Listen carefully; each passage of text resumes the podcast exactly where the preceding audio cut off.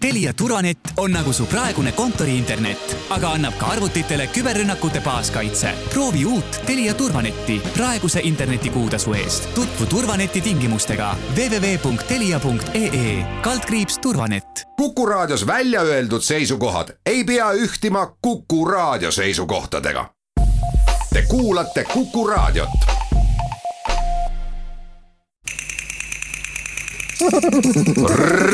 reisirada. no tegelikult pole vist ühtegi sõda, millele ei eelneks või kaasneks infosõda sellepärast et kui ei ole infosõda, siis ei olegi sõda, sellepärast et need, kes on siis kas rünnaku ohvrid, ei saagi aru, et neid rünnatakse, seega alati info. kusjuures info võib olla ju väga meelitav ajaloolane David Vseviov viibki meid otse selle pühapäeva teemasse, maadesse üle maailma, milles informatsioon mängib aina olulisemat rolli. siin Tea Karin, tervitan teid saates Reisirada reisile Eestist Malini ühise nimetuse all tõesõna vaatame, mis on kahekümne esimese sajandi infosõda, milleks ja kuidas seda maailma eri paikades peetakse, kuidas meist igaühest võib saada infosõdur mõjutustegevust peavad järjest rohkem riigid probleemiks. üheks näiteks Põhja-Makedoonia väikelinn Veles, mis sai kahe tuhande kuueteistkümnendal aastal USA valimiste ajal tiitli maailma valeuudiste pealinn ning David Vsevjov tõesõna koduleheküljel videos viitab ka valeuudiste põhjusele. põnev vale on huvitavam kui igav tõde, sellepärast et vale võimaldab mängurlikkust valeuudiste kasutamine ei ole aga midagi uut.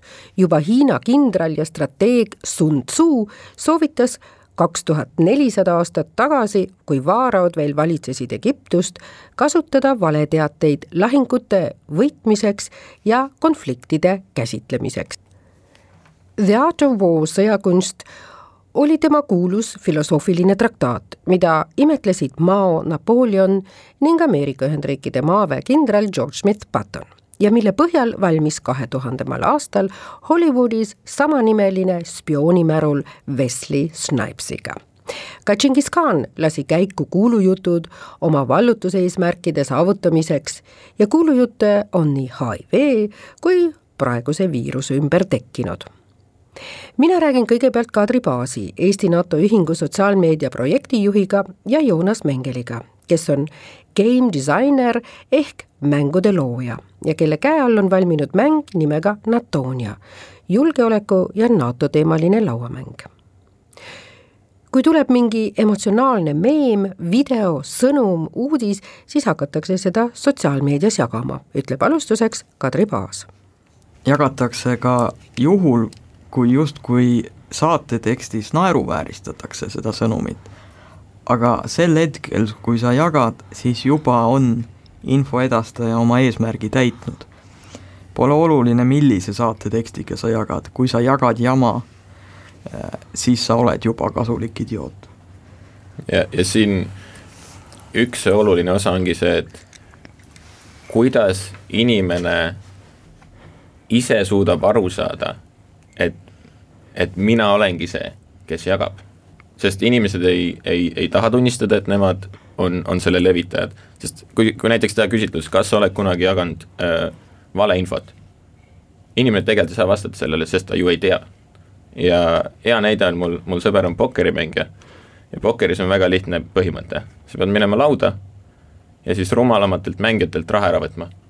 väga lihtne mäng. küsimus on, kuidas sa tead, et sina ei ole rumalam seal lauas? ehk siis sellesama loogika põhjalt, sult võetakse raha ära, ehk siis kust sa tead, kuhu sa jääd selles laua ääres, kas sa jääd seal ülemises osas või alumises osas. pokkeris on see lihtne, et pikaajaliselt, kui sul on raha vähem, siis sa oled rumalam osa, kui sul on raha rohkem, siis sa oled parem osa. aga kui sa võtad nüüd infosõja, inimestel puudub igasugune mõõdupuu, kummas otsas nad on. sest inimesed arvavad, et neil on õigus ja siis nad otsivad inimesed, kes on kaasmõtlejad, neil tekib niisugune grupitunne, ühtekuuluvustunne ja neid tegelikult isegi ei huvita, kas neil on õigus vaid nad lihtsalt teavad, et vastaspool eksib väidetavalt. ja siis kaobki kriitika, kriitikameel ära ja, ja sealt tekivadki konfliktid. no hea võimalus mitte jääda lolliks on lihtsalt äh, mitte postitusi jagada. teada, kus NATO peakorter on kuidas tunda ära, et uudis on osa infosõjast? miks uudist edastatakse just sellel ajal, kes seda jagab? Sõltuvalt riikidest mõeldakse uudiste kujundamiseks mitmeid elemente välja. kindlasti on nende inimeste seas ajaloolasi, psühholooge, semiootikuid, sotsiolooge, tehnilise poole pealt aitavad IT-insenerid, et jälgi peita, kui on vaja jälgi peita. Ja kommunikaatorid on siis need, kes robustselt kirjutavad selle teksti valmis, et oleks et oleks haarav tekst, pluss see visuaali pool, et äh, oleks äh, kas meem, äh, kas foto, kas video, mida liikuvam see pilt on, seda atraktiivsem, seda rohkem inimesed, inimesi see köidab. seejuures ei ole teema üldse oluline, et liikuv pilt ja pilt üldse köidab inimesi alati rohkem kui pikk tekst lisanduvad aga veel ka moeloojad, disainerid, sest sõnum ei ole mitte ainult tekst või foto või film või maal. kahtlemata on hästi oluline sõnumi edastaja rõivastus, väljanägemine, tema kehakeel. on hästi palju teooriaid, milline peaks olema veenev ja, ja usutav ja autoriteetne sõnumi edastaja ma ütleks niimoodi, et Eesti, Eesti vähemasti poliitikud näevad kõik välja sellised ja iga päev näevad välja sellised, nagu nad oleks matusel. et kui te vaatate näiteks USA presidenti, sõltumata tema nimest, või Prantsuse presidenti, sõltumata tema nimest, mm, siis äh, nad on riides äh, mõneti teist värvi rõivastes või nad kannavad teist värvi rõivaid sellel on väga selge põhjus, miks USA president kannab äh, või Prantsuse president kannab äh, tumesinist äh, ülikonda väga sageli ja punast, sellist meie mõistes nagu lipupunast või jah, Ferrari punast lipsu. ehk see on, see on võimu tunnus. see on jõu, võimu, energia värvid. Ja kui sa paned selga musta või halli no pruun on täielik katastroof, ülikool, ülikond, siis äh, siis sa põhimõtteliselt äh, juba energeetika on esinejal selline, et teda ei suuda, ei jõua, ei taha mitte keegi kuulata, sisuliselt kuulata. viisakusest ikka kuulatakse, täiskasvanud inimesed on viisakad kuulajad, aga aga, aga, aga see ongi viisakusest kuulamine, mitte reaalne veenev atraktiivne esitus. eesmärgi saavutamiseks on vaja aru saada, millise sihtgrupiga on tegemist, millised on väärtused, arusaamad, millist identiteeti nad selles grupis kannavad. ühisnimetaja on võimalik leida kui sihtgrupist on aru saadud, alles seejärel saab hakata sõnumeid välja töötama. vastasel korral on võimalus, et kõik läheb aia taha.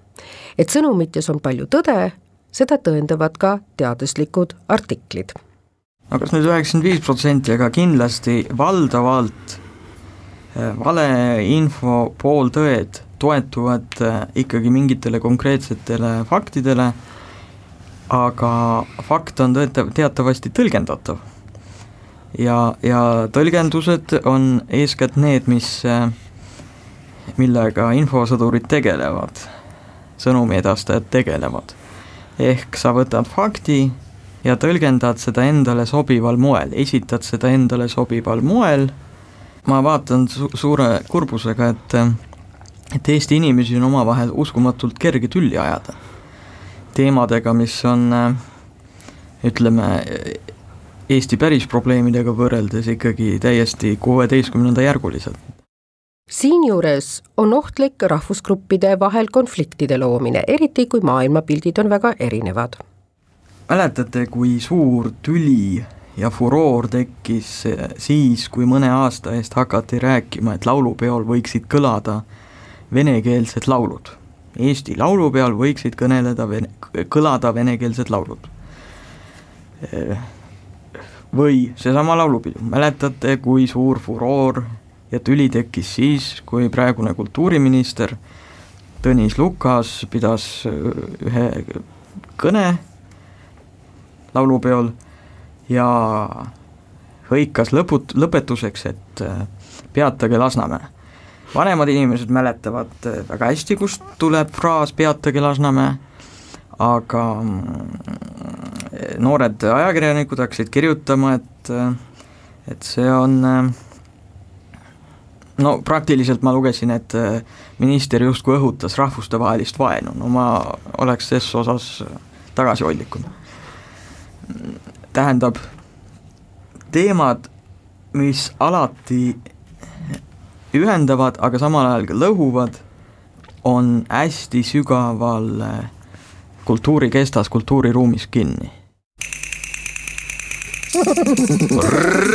reisirada kes mängu mängib, saab informatsiooni nii erinevate maade kui ajalooliste sündmuste kohta. kes Natonia mängu mängib, selle silmad avanevad valeinformatsiooni ja nende ärakuulamise eest, kas see on nii? see mäng avab lihtsalt ukse sellesse maailmasse, sest tegelikult kogu see maailm on äh, nii-öelda tavanoore või tavainimesele kauge. ja minu eesmärk ongi silla ehitamine selle teema vahel, mis ei ole väga väga seksikas, ütleme nii, noorte jaoks. ja siis ma pean tegema mängu, et neil oleks nagu, oo, see on mäng. aga see teema tegelikult on seal sees väga oluline. ja, ja väga hea näide, näiteks eelmine aasta, kui meil oli Natonia maailmameistrivõistlused, siis võitja oli kahekümne kolme aastane naissoost isik Moskvast. ja enne, kui ta hakkas mängima, ta kuskilt sotsiaalmeedia kaudu jõudis meieni mängis, harjutas, võitis lihtsalt sellepärast, et ta tahtis võita. ja selle käigus, et ta tahtis võita, ta õppis NATO kohta uut informatsiooni ja tema taust ja see tema infomüra, kus tema on, on hoopis teine olnud. ehk siis tal tekkisid küsimärgid, et kumb nüüd õige on. ja kui ta, kui ta, auhind oli, auhind oli äh, reis Brüsselisse NATO peakorterisse ja oli näha, et tal oli äh, väga konfliktne olla seal sest see, kus tema on üles kasvanud, see, mis infot tema teab NATO kohta, ja siis ta nüüd oli seal, päriselt kohal, majas sees, siis tekivad küsimused, et, et, et kas, kas nagu, kas, kas mul on valeinfot söödetud või siis on see valeinfo, aga vähemalt kõige õigem asi, mida mängud või mis iganes asi peab tekitama inimeses, on küsimus. kui sul tekib küsimus, siis sa juba oled natukene rohkem teadlik sellest, et äkki ma olengi see rumal seal pokkerilauas mult on küsitud ka, okei okay,, ma nüüd mängin seda mängu, mis, mis see mulle annab? et äh, kas ma nüüd tean, kus NATO peakorter on või ei ole, aga see on, see on umbes samasugune, et kui ma käin hommikul jooksmas ja ma olen paremas vormis natuke, mis see mulle nüüd otseselt annab? ma võin ikka tööl käia, ma võin kõiki asju teha oma elus, et see, see, sa saad aru, mis see annab sulle siis, kui sul läheb tervis halvaks ja inimesed saavad aru, mis on näiteks organisatsioonide nagu NATO eesmärk, kui asjad lähevad halvaks. ehk siis, kui tekib mingi, mingi oht, mingi risk, kui kõik on hästi, siis on väga raske inimesi kuulama panna teemasid, äh, kui, kui see oht ei ole sul silme ees. see on, ma arvan, kõige esimene, et, et äh, vaadata, kas, kas teste on palju tehtud, Facebookis levinud ka, kus pannakse mingi šokeeriv pealkiri ja siis selle artikli sisu on, tegelikult see artikkel on vale ja ma lihtsalt tahtsin näha, kui lihtsalt inimesed jagavad valeinfot ja siis sellel on, ma ei tea, mitu tuhat jagamist. aga see demonstreeribki, et inimesed tegelikult, neid ei huvita tõesus, vaid neid huvitab see emotsiooni pealt jagamine ja sellest osalemine. ehk siis allikas on üks kõige olulisem kas allikas on kontrollitav selles mõttes, et kas on võimalik jõuda algallikani? Kui on võimalik jõuda algallikani, kas see algallikas on vastavas teemas pädev? et kui lüpsja räägib nagu Estonia huku detailidest ja jagab oma, oma muljeid, siis võib-olla seda juttu ei maksaks jagada edasi. kui siis ainult huumori eesmärgil? ei, üldse mitte jagada, sellepärast et isegi kui, kui see saate tekst on justkui äh, naeruvääristab või, või te saate aru, et see on jama, aga ikka jagate edasi, siis, eh, siis juba on see pooltõde või väljamõeldis oma eesmärki täitnud. infomüra on tohutu, mis tekib kõiksuguse sodi laiali jagamisest, iga jumala päev, iga minut, iga sekund. ja see, sul on õigus, see, mis sa ennem ütlesid ka, et, et see, kuidas äh, keegi artiklit kirjutab või mida seal öeldakse, sa ei tea kunagi, kuidas seda vastu võetakse, ehk siis see lüpsitädi võis öelda ausalt, mina vaatasin seda huumoriga, jagan seda huumoriga, aga kuskilt keegi ikka vaatab seda tõeliselt tagasi, ehk siis äh, see ikkagi jah, panustab selle müra juurde tekitamisesse. nii tekivad kuulujutud, vandenõuteooriad, see on see telefonimängu küsimus, et et me kõik kolmekesi räägime mingit ühte juttu, aga meie esimene, teine, kolmas aste, igaüks lisab midagi juurde või, või, või, või läheb mingisugune detail lappama, siis loeb seda Delfi ajakirjanik, teeb copy-paste mingist kommentaarist ja sünnib uudis juba nii-öelda adekvaatsesse, adekvaatsesse uudisteportaali, enam-vähem adekvaatsesse uudisteportaali. üks asi, mis ma olen mitte ainult Eestis, aga igal pool tähele pannud ajakirjanduses, mis peaks minust keelatud olema, on fantastilised pealkirjad, mis on küsimärgiga. Ehk siis sul on mingi väide ja siis on küsimärk lõpus. ehk siis sa juba tead, et see ei ole tõsi, aga see ongi lihtsalt selle, seda kollase jama tootmiseks, et inimene sinna, see on mingi dramaatiline pilt ka veel juurde pandud. ehk siis tegelikult kui, kui see uudis, mida sa vaatad, juba nagu tekitab sul mingit, ma tahan klikkida ja siis korra mõelda nagu, aga miks? nagu mis see mulle tegelikult annab, niipea kui ma klikin, siis ma juba olen selle asja võimuses, et selles suhtes see infosõda on põhimõtteliselt samamoodi nagu mäng mäng ei ole ainult monopol või, või mingi asi, mis on nagu rõõmu eesmärgil, mäng võib olla väga-väga kuri ja väga halval eesmärgil. mäng on reeglite kogum, mille eesmärk on sind panna midagi väga kindlat tegema. ja samamoodi, kui sul on clickbait või mingid interneti valed, mingid uudised, siis see mäng on selles, et panna sind klikkima. vahet ei ole, kas see on tõde või mitte. Eesmärk on kas teenida raha või levitada valeinfot, keda, kellelegi kahju teha või, või mis iganes seal eesmärk võib olla. niipea, kui sa sinna klikid, siis sa mängid seda mängu ja sa juba kaotsid. kuidas end siis paremini kaitsta selle eest, et meist ei saaks infosõdurit?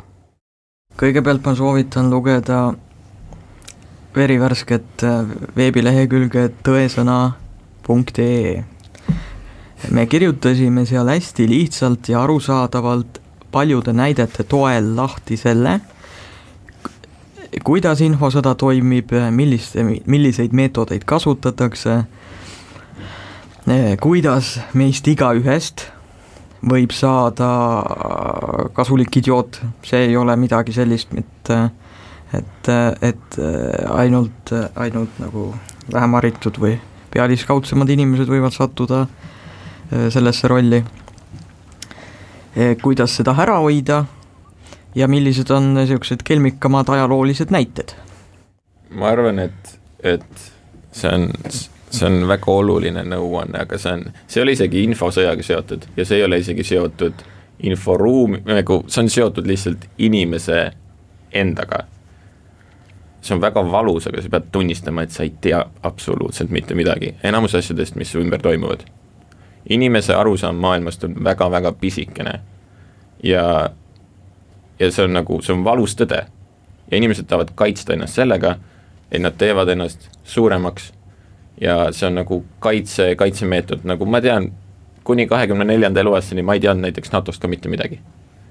aga ma olen kuue aastaga õppinud ja ma siiamaani ei tea mitte midagi, sellepärast et minu ümber on alati inimesed, kes teavad rohkem. pead julgema tunnistada oma nõrkusi. jaa, et see, et, et ei ole alati vaja kakelda ja kaitsta, vaid sa pead lihtsalt aru saama, millal, millal on vaja kuulata, millal on vaja rääkida ja, ja info, inforuumi või infosõja raames see on isegi, isegi kõik, kes seda kuulavad või, või mis iganes teemaga sa igapäevaselt kokku kuulud, kokku puutud, mis nüüd tänapäeval, kaks tuhat kakskümmend aastal, inimese ajus käib päevas nii palju teemasid läbi ja igalühel on arvamus, praegu eriti väga hot topic, USA presidendivalimised, mis on huvitav näha. aga kui paljud tegelikud inimesed, kõigil on Trumpi kohta arvamus, Bideni kohta on vähem arvamust, sellepärast et paljud inimesed said tegelikult üldse teada, kes Biden on, nüüd siin viimastes faasides, tegelikult inimesed ei huvita absoluutselt USA poliitikast, nad lihtsalt tahavad seda, seda, see on nagu meelelahutus. ehk siis selle koha pealt, kui nüüd kõik see pikk mõte kokku võtta, isegi kui inimesed vaatavad, kes on, vaatavad seda USA presidendivalimist, siis mu küsimus on nagu, miks sa vaatad seda? nagu mis su päris eesmärk on, mida sa saad sealt? kas sa vaatad seda sellepärast, et sa tahad arendada ennast, sa tahad uut infot saada või sa vaatad seda sellel eesmärgil, et sa võid vaadata Õnne kolmteist, sa võid vaadata vaprad ja ilusad või Kodu keset linna ja USA presidendivalimised, et kas sa vaatad midagi meelelahutuse eesmärgil või sa päriselt tahad oma aju arendada ja sa tahad saada targemaks inimeseks. ja kui sa tahad saada targemaks inimeseks, siis lihtsalt loe loe ja räägi endast targemate inimestega, ükskõik mis teemal. või võtta kätte Natonia mäng. või võtta kätte Natonia mäng või minna natonia.com ja mängida online mängu või vaadata meie sotsiaalmeediat Natonia Game või Facebooki või Instagrami. Arvestagem, et äh, kahekümne esimese sajandi sõjapidamine toimub eeskätt mõistuse tasandil, tunnetuslikul tasandil. see on kognitiivne sõda Eh, mõjutatakse ja mitte ainult Kreml ei mõjuta, mõjutavad eh, kõik suurriigid tegelevad mõjutustegevusega iseenda huvides. ja huvid on, mida suurem riik, seda suuremad huvid. mõjutamine toimub meelte, südamete, mõistuse, tunnete tasandil. nagu öeldud, see on kõige odavam, kõige kiirem. aga seda peab tegema väga järjepidevalt hästi süsteemselt. ei tohi unustada, et me kõik oleme mõjutatavad, emotsionaalsed olevused. see on ka põhjus, miks hakkavad inimesed infokonfliktides osaliseks. Miks me osaleme diskussioonides, millest me tegelikult aru ei saa, kuidas meid käima tõmmatakse. võtmeks on sõnum, mis meis tekitab emotsiooni. et end kaitsta, tuleb mõni võtmesõna ka meelde jätta Uku Aarold, Kaitseväe Peastaabi strateegilise kommunikatsiooni osakonna juhataja asetäitja, näeb seda nii. kui te kuulete midagi, mis teid vihastab, ükskõik, kas te saate vihaseks äh, kellegi peale, kelle kohta sõnum midagi väitis, et keegi on eriti suure sigadusega hakkama saanud, või te saate vihaseks selle inimese peale, kes selle sõnumi saatis, on suur tõenäosus, et te seda sõnumit teistele edasi annate selleks, et seda viha teistega jagada. samas, kui olukord on hästi halb ja tulevik paistab tume ja keegi pakub seletust, et asjad on tegelikult lihtsamad ja on lootus ja elu läheb varsti paremaks. Sellepärast, et koroona saab ülehomme läbi, sest vaktsiin just leiutati, siis see sõnum levib nagu kulutuli. ja noh, vahel levitatakse sõnumeid, tihti levitatakse sõnumeid, sellepärast nad on naljakad ja me tahaksime head tuju jagada ka teistega. nüüd mitte iga emotsioon ei ole see, millega seotud sõnumeid inimesed levitavad kujutage nüüd korraks ette, et keegi räägib teile midagi kõrva sisse, mis paneb teid tundma häbi. kas te läheksite seda nüüd kogu klassile kuulutama? Tõenäoliselt mitte. niisiis jätke meelde, viha, raev ja lootus on need sõnumid, mille peal tuginevad kuulujutud, mille peal tugineb viraalne turundus ja mille peal tuginevad äh, lähenemised, mida kasutavad infokonfliktides inforünnakute planeerijad. Eesti kui väga mikroskoopiline riik maailmakaardil peaks olema e eriti eesrindlik moodsate informatsioonilise mõjutustegevuse kasutaja. sest erinevalt brittidest või USA-st või Venemaast või Saudi Araabiast näiteks, ei ole Eesti võimeline mitte kunagi pidama Eh, pikaajaliselt konventsionaalset sõda ehk raskesoomuse sõda, õhusõda, meresõda. Meie saame endast teada anda, oma tuntust ja nähtavust suurendada ainult äh, informatsioonilise tegevuse abil. kui meist mitte keegi ei tea, pole kuulnud äh,, ei ole näinud äh, meist kaadreid Eestist Eesti soodest rabadest, äh, Ott Tänakust või, või Arvo Pärdist, Kelly Sildarust, siis juhul, kui meil siin oma maalapil Baltikumis tekib äh, mõni suuremat sorti probleem, veel väga palju suurem kriis kui viirus. ja näiteks sakslased, prantslased või hispaanlased pole kuulnudki Eestist. või ameeriklased kusagil räniorus. siis nende riikide valitsejad ei kiirusta liigselt otsustama, kas ja kuidas liigutada. jah, artikkel viis rakendub, aga küsimus pole, kas ta rakendub, või vaid mis hetkel jõuab reaalne abi äh, Baltikumi ja Eestisse. minutitel on kriitiline tähtsus. Neil hetkedel on minutitel kriitiline tähtsus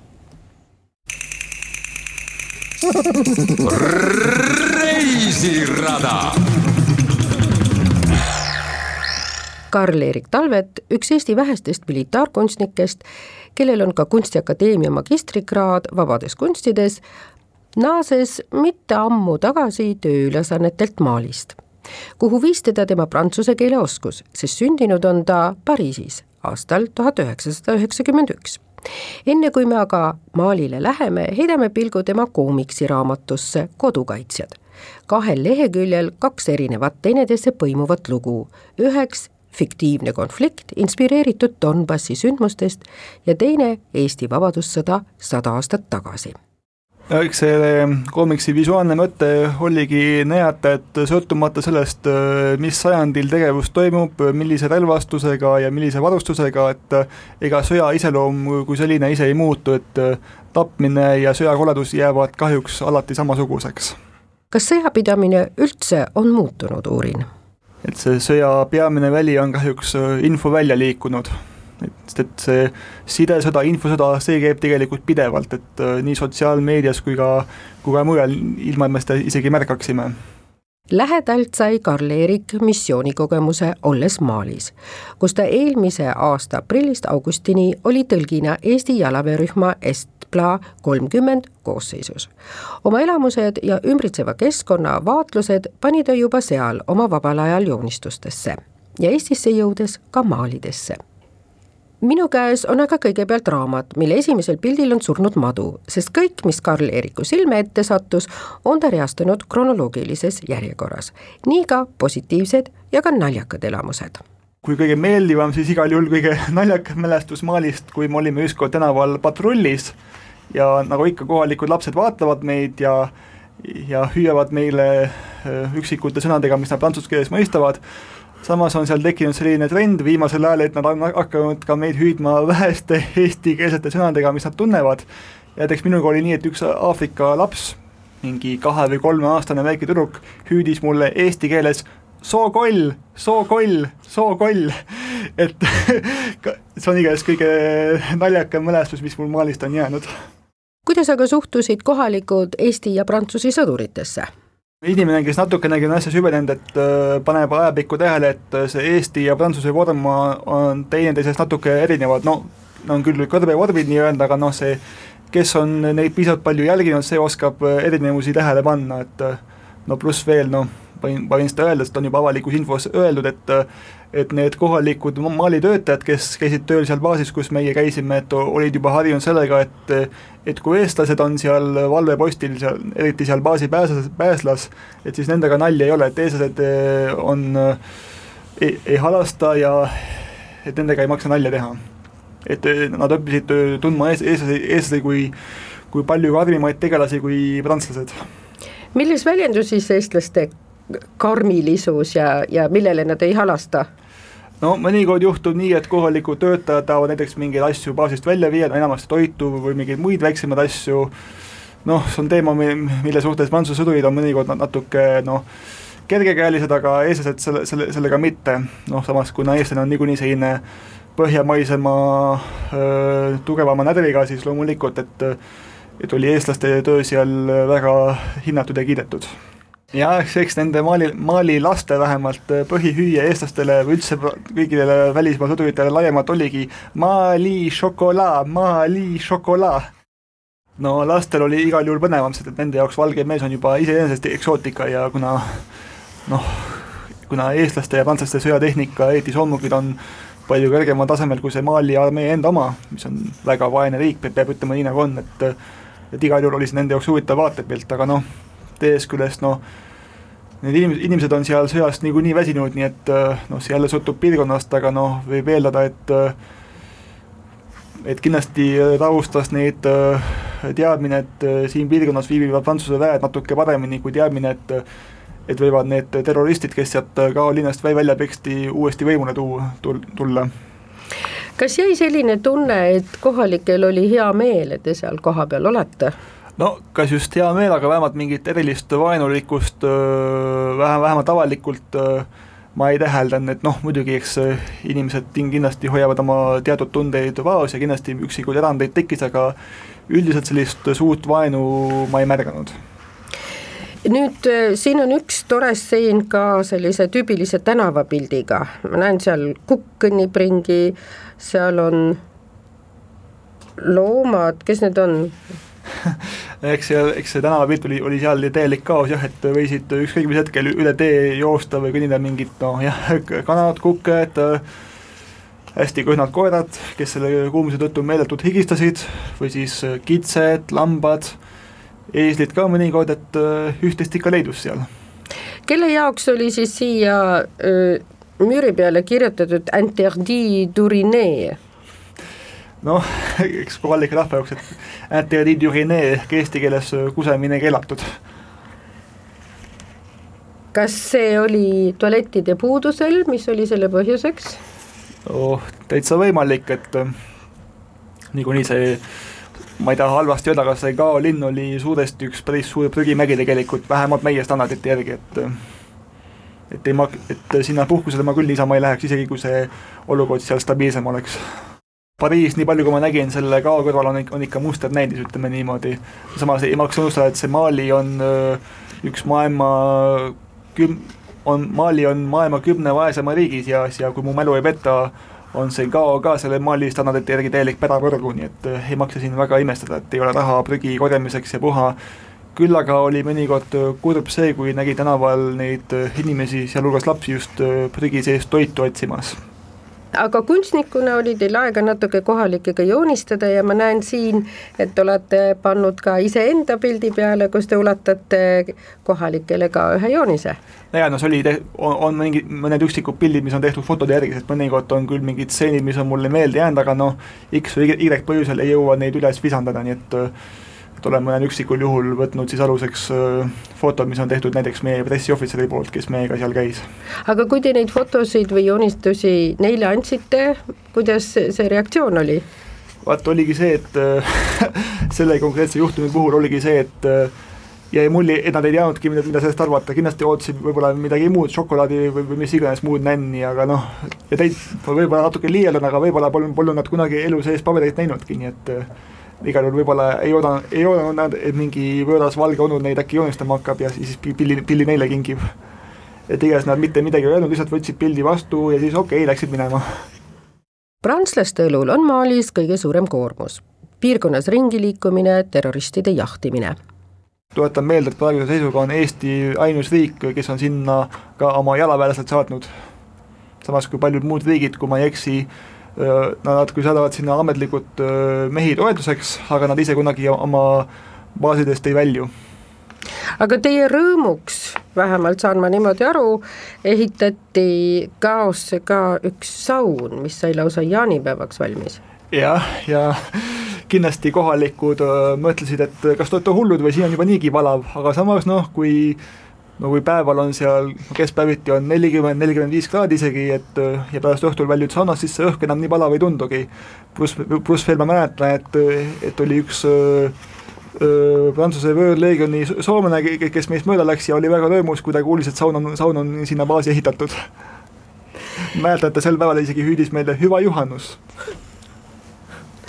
ja nüüd ma vaatan, et äh, siin on mõnede piltide peal ka mõned kohalikud näod. millised, nad on siin kõik väga erinevad, millised need inimesed seal siis oli, kuidas nad on meelde jäänud? noh, võib-olla naiste puhul torkab enamasti silma see, et nad kannavad seda pearätti, aga mitte tingimata süngel viisil, ei, tihtipeale just väga värvikalt, et näiteks äh, mõned baasitöötajad, kohalikud naised, kes käisid seal baasis tööl, et mõnikord oligi huvitav näha, aa sel päeval ka kannab sellist värvi või sel, sel päeval sellist, et et oli ka selline täitsa omapärane värvi, värvi eksootika. Mali põhiprobleem, nagu enamikel Aafrika riikidel kahjuks, on see, et see Mali on kõike muud kui etniliselt ühtne riik, seal on kindlasti mingi vähemalt tosin erinevat hõimu, kes kes isegi ei, ei, ei huvitu sellest, kummal pool äh, ametlikku rahvusvahelist piiri nad elavad, sest et inimesed elavad seal niikuinii enamasti oma hõimude kaupa. Ja eks oligi see üks äh, Mali konflikti põhiprobleem, et äh, tihtipeale jääb mulje, et see konflikt algas üleöö aastal kaks tuhat kaksteist, kolmteist, siis kui toimus seal mingi islamistide ülestõus, noh, see on see, ega see pooleldi vale ei ole, sest see, eks on see lihtne versioon sellest, aga tegelikult need konflikte põhjused on, on palju vanemad, et tegelikult need hõimud on seal aastaid, võib-olla mõne puhul isegi aastasadu omavahel kakelnud, nii et ega see, asi tänapäeva, tänapäeval muutunud ei ole, lihtsalt on natuke sinna konflikti seda islamistlikku asja rohkem segatud, sest et eks need erinevad, need terroristlikud grupid kasutavad hõimude omavahelisi konflikte ära, et, et, et seal veel hullemat kaost külvata. ja nüüd, kui see väike raamatuke algas surnud maoga, siis lõpeb ta siin ühe Hispaania kärbsega. ja, no ja see oli see mingi mitteametlik nimetus, et see oli üks putukas, kes oli seal väga ohtlik ja kelle kohta käis käsk, et seda mitte mingil juhul ei tohi palja nahaga puududa, muidu tekivad sellest pärast igasugused hallutsinatsioonid ja ma ei tea, mis veel, no eks Aafrika on igasuguseid neid haigusi täis, täpselt samamoodi, et äh, isegi teatud nurgad vaadates veel hullem äh, oht kui äh, lahingus surma saamine on seal malaaria, et äh, malaarial on maailmas mitu vormi ja see vorm, mis on seal Aafrikas, täpsemalt Malis, see on see tappev vorm, et kui sa piisavalt kiiresti mingit ravimit ei saa, sellepärast pidimegi iga päev võtma neid äh, malaaria tablette, millel on küll mõnikord, äh, kuidas kellelegi natuke ebameeldivamad kõrvalmõjud, aga noh, parem, parem see kui palju hullem. Kui me oleme nüüd jõudnud selliste ohtlikumate olukordade juurde üldse, kas sellist ohtu oli igapäevaselt ka tunda?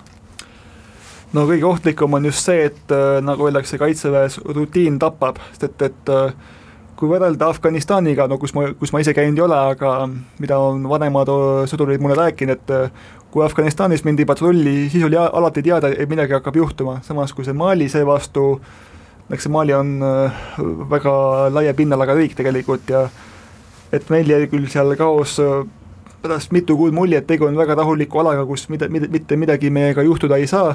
Ja sellepärast ehm, see oligi meile üks paras šokk, kui kaks tuhat üheksateist, kahekümne teisel juulil minu üksust see autopommirünnak tabas just siis, kui nad, nad, nad olid eh, sinna baasi pääslaste ennast sisse seadmas, et oma eh, vahetuseks valmistuda, et imekombel keegi meie pool surma ei saanud, et õnneks paar kergemat haavatut ja olgem taevale tänulikud selle eest, aga see oli meile meeletoetus sellest, et vaenlane ei maga ja, ja jälgib meid pidevalt.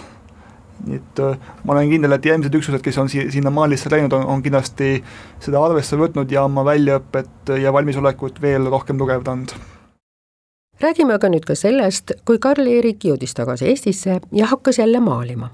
mul oli nüüd äh, praeguse aasta juulis-augustis üks äh, isi-, isikunäitus minu maalidega, kuhu olid veel lisatud teatud valik maalis kohapeal tehtud skitsidest, mis toimus mul seal äh, Vabaduse galeriis Tallinnas ja ja mille üks eesmärke oligi nii-öelda kunstimaailma ja militaarmaailma omavahel lähemale tuua, sest et neid kahte maailma peetakse täiesti omavahel kokku sobimatuks ja tihtipeale täiesti õigustatult, sest et äh, nagu te teate, ma olin äh, pikemat aega Kunstiakadeemiast, mingi seitse aastat, isegi, isegi rohkem, no.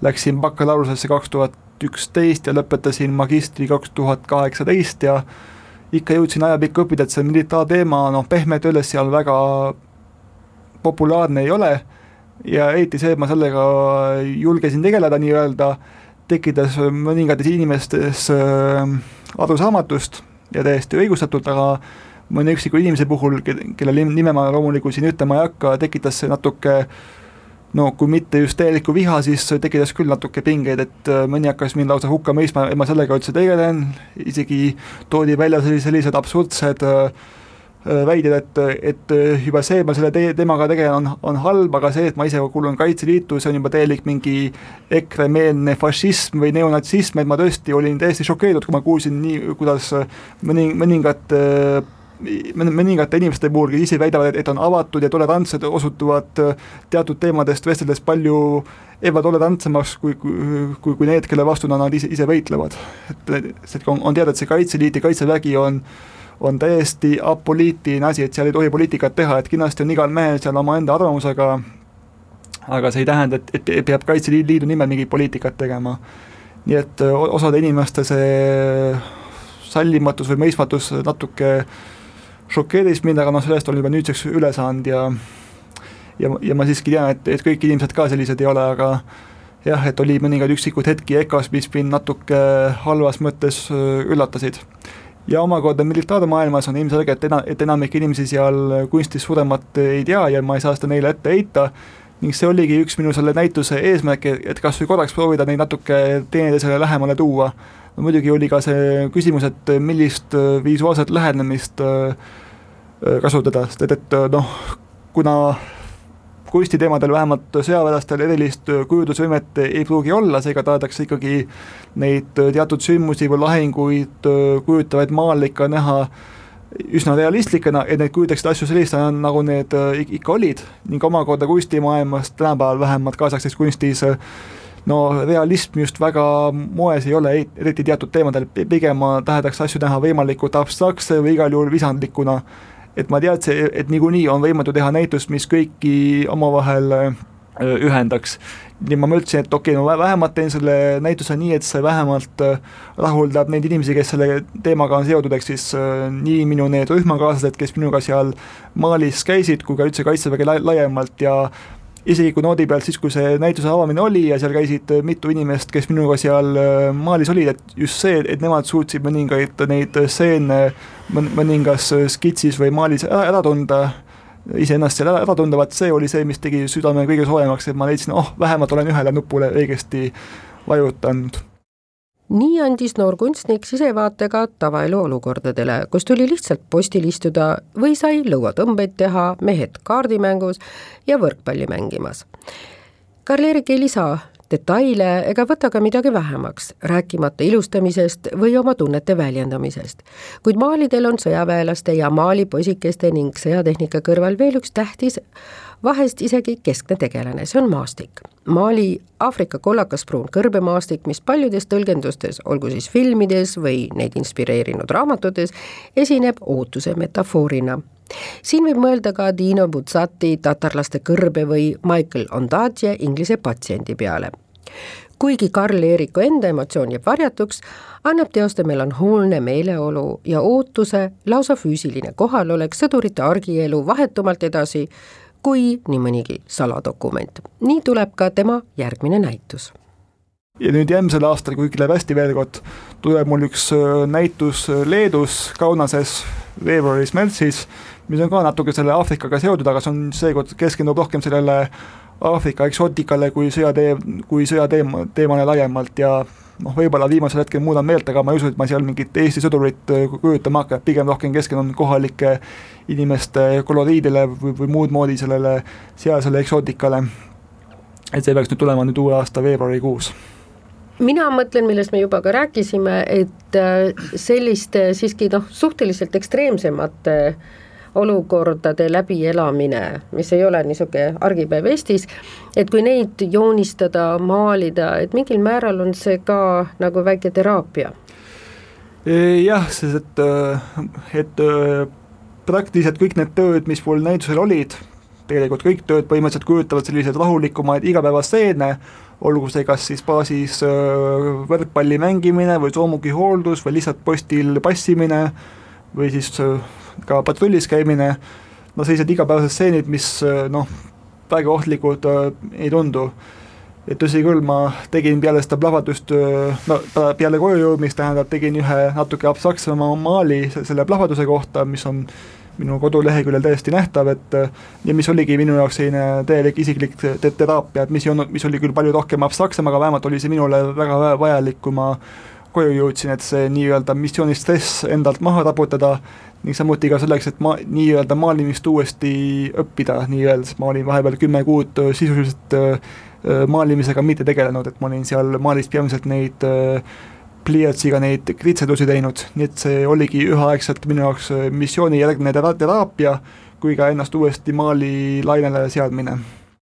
oma soovi formuleerib Karl-Erik nii ma loodan, et see olukord seal millalgi laheneb ja meie poisid saavad sealt üks päev ka ära tulla, et ma, ma mõistan, et Kaitseväe jaoks on, on tähtis hoida häid su-, suhteid liitlastega ja kui me tahame, et liitlased meid siin toetaksid, peame ne-, neile ka, neid ka omakorda toetama erinevates missioonipiirkonnades maailmas ja praegu on siis, käib meil see sidemete loomine Prantsusmaaga, sest vanasti tõestasime ennast taanlaste silmis Balkanil, Balkanil, ameeriklaste silmis Iraagis, brittide silmis Afganistanis, nüüd on praegu siis fookus enda tõestamisel prantslaste silmil, silmis, aga ma siiski loodan, et see Mali olukord seal millalgi laheneb ja saame oma poisid ilusasti koju, koju tuua. nii et poisid, olge tugevad. Tõesõna kodulehekülje artikleid illustreerivadki Karl-Erik Talveti tindijoonistused. meie kõigi igapäevane heaolu ja turvalisus algab meie peast ja meeltest.